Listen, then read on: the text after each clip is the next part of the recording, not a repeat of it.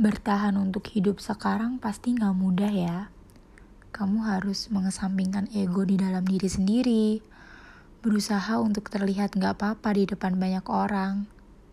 Tapi yang kamu rasain sekarang, di dalam hati lagi banyak banget amarah yang bergumul, kesedihan yang lagi memuncak, rasa kesel, dan rasa lain yang berkecamuk di dalam dada. Aku tahu untuk kamu berjalan satu langkah ke depan sekarang rasanya berat banget. Aku tahu rasanya sekarang pasti di dada kamu rasanya sesek untuk sekedar menghirup dan menghempaskan nafas itu keluar.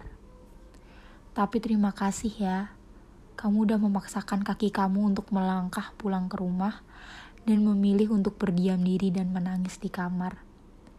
Terima kasih ya, udah memilih untuk bertahan sampai detik ini.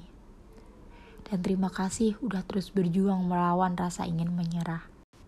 Mungkin rasanya pertolongan jauh banget terlihat dari mata kamu, dan rasanya pertolongan itu susah banget untuk tergapai.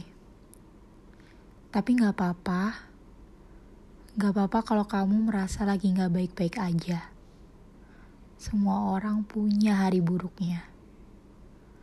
Gak apa-apa juga kok kalau kamu merasa otak kamu penuh dengan rangkaian cerita pahit dan badan kamu terasa lebih berat dengan segala ekspektasi yang lagi kamu pikul di pundak.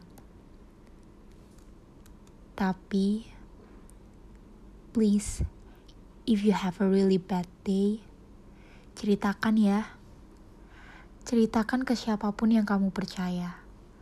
Entah teman, sahabat, orang tua, atau bahkan hewan peliharaan kamu.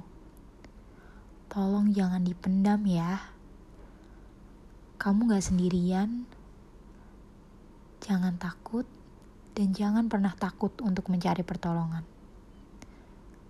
Thank you for existing. I'm proud of you. Never afraid to seek professional help if you need it. And remember, Your existences matter, and you matter to me. Please stay alive.